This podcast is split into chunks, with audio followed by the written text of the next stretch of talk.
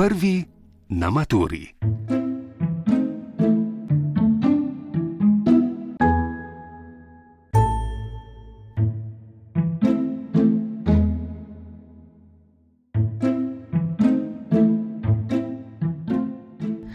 Število kandidatov, ki kot izbirni predmet na maturi vzamejo filozofijo, je vsako leto več ali manj konstantno. Med njimi je letos tudi Nives Žlofan Drojna, ki jo skrbi, koliko bo odsotnost iz šolskih klopi vplivala na letošnje rezultate. Mogoče je priprava na maturo iz filozofije samostojno malo težja, ker potrebuješ debato in razpravo. No o raznih teorijah, in ni tako zanimivo, če moraš zadeve študirati sam.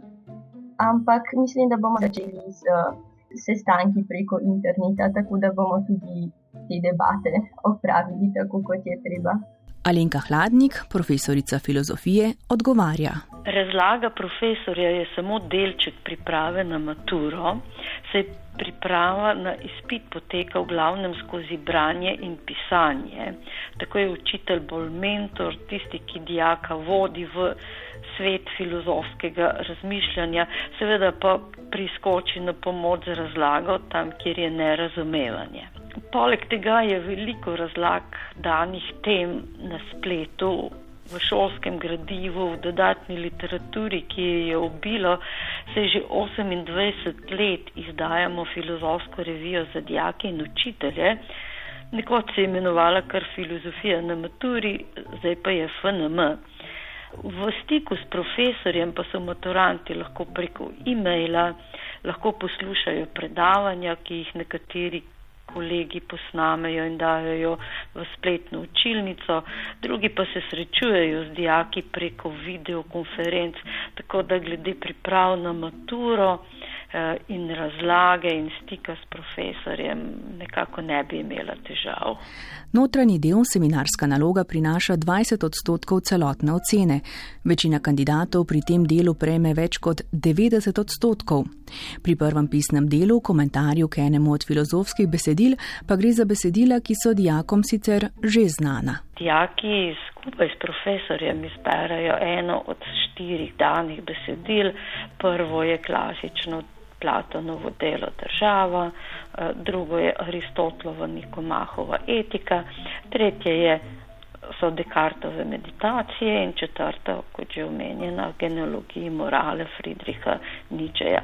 Eh, profesorji skupaj 70 ur ponovadi porabijo za branje besedila, kar je ključno. Ne? In v maturitetnem eh, katalogu so navedeni tudi filozofski problemi, ki jih morajo pri branju predelati. Tako da je seveda to že vse znano. In kje maturanti tukaj izgubljajo največ točk? Prvič, največkrat, ker ne poznajo dobro besedila. Eh, lahko ga sicer preberejo, ampak potem se naučijo učiteljevo razlago ali pa učbeniško razlago. Ocenjevalci na podlagi tega lahko ugotovijo, da dijak ni doma v besedilu. In potem je iz odgovora tudi razvidno pomankanje razumevanja in še manj. Ne, eh, lahko dijak stopi v dialog z avtorjem, kar je seveda največ, kar lahko dosežejo. Naj omenim še naslednje. Pri filozofiji nasploh gre za dialog, za lasten razmislek. Slabši dijaki to dodajo kot zdravo razumsko floskolo na koncu. Recimo, Platon o problemu misli tako, kot sem predstavil v jedru, jaz, pisac, pa se z njim strinjam ali pa se ne strinjam. Izvorno je esej, če se vrnemo k Francisu Baconu in Mišelu de Montanju, moj osebni poskus premisleka dane teme, o kateri so že mnogi razmišljali, zdaj pa bom še jaz. Pač skladu s tem, da je vsaka misel, ki jo mislim sam, zame nova misel. Pri drugi pisni poli od 15 filozofskih naslovov kandidati izberejo in napišejo esej na en naslov. Profesorica Alenka Hladnik pove, da se pri tem delu lahko kandidati zelo dobro pripravijo na pisanje že doma. Kako strogo je ocenjevanje pri tem delu? Pri filozofiji se točkuje holistično. To je, točk se ne odbija, temveč se nagradi tisto, kar je v eseju. Če česa ni, ostane kandidat pač v nižji kategoriji. Če pa je kandidat jezikovno šipak, nima besednega zaklada, ne zna korektno pisati, če se okorno izraža, torej če preprosto ni pismen, pa tudi njegov izdelek slabši. Lahko bo imel še tako genialne zamisli, če jih ne bo znal dobro obesediti na papir, da bi jih bralec, torej tem primeru ocenjevalec razumel, tudi ne bo mogel dobiti dobre ocene. Moram povedati, da podobno kot drugi opažamo tudi mi, eh, ocenjevalci pri maturi iz filozofije že vrsto let, da pismenost kandidatov upada. Ta del prinese največ, 45 odstotkov ocene, 120 minut imajo dijaki za pisanje. Kaj po vaše pomembno tukaj, kako naj si razdelijo ta čas? Podobno kot pri komentarju. Najmanj pol ure na začetku za izdelavo osnutka, skozi katerega se premisli eh, celota eseja. Najprej je spet nujna natančna analiza izbrane trditve. Eh, kandidatom svetujem, da vsej trikrat preberajo in podčrtajo ključne pojme trditve nikoli, nikoli naj ne izberejo naslova iz teme, na katero se niso pripravljali pri pripravah na maturo. Kaj ti?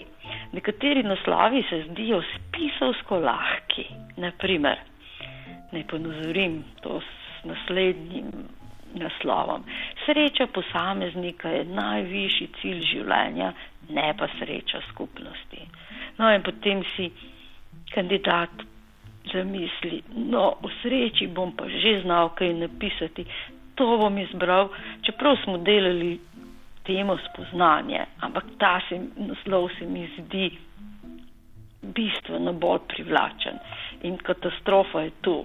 Kandidat ne more napisati kaj drugega kot zdravorazumski esej. Se ne vključi nobene teoretske pozicije, ne analizira ključnih pojmov, vsega tega seveda ne more biti, saj te teme iz etike ni študiral 70 ur pri pripravah.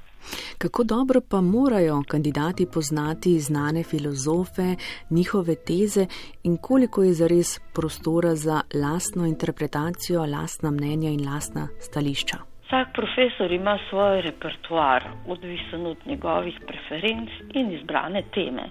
Pri etiki ne gre brez glavnih avtorjev, kot so Aristotel, pa helenistični filozofi, Epikur, pa brez Kanta seveda. Filozofska razgledanost se nagradi pri ocenjevanju, seveda, a bistvo filozofije je, da kandidat sam misli dani filozofski problem. Tako interpretacija ni nekaj navrženega, dodanega v zadnjem odstavku ali v sklepu, marveč je imanentna napisanemu.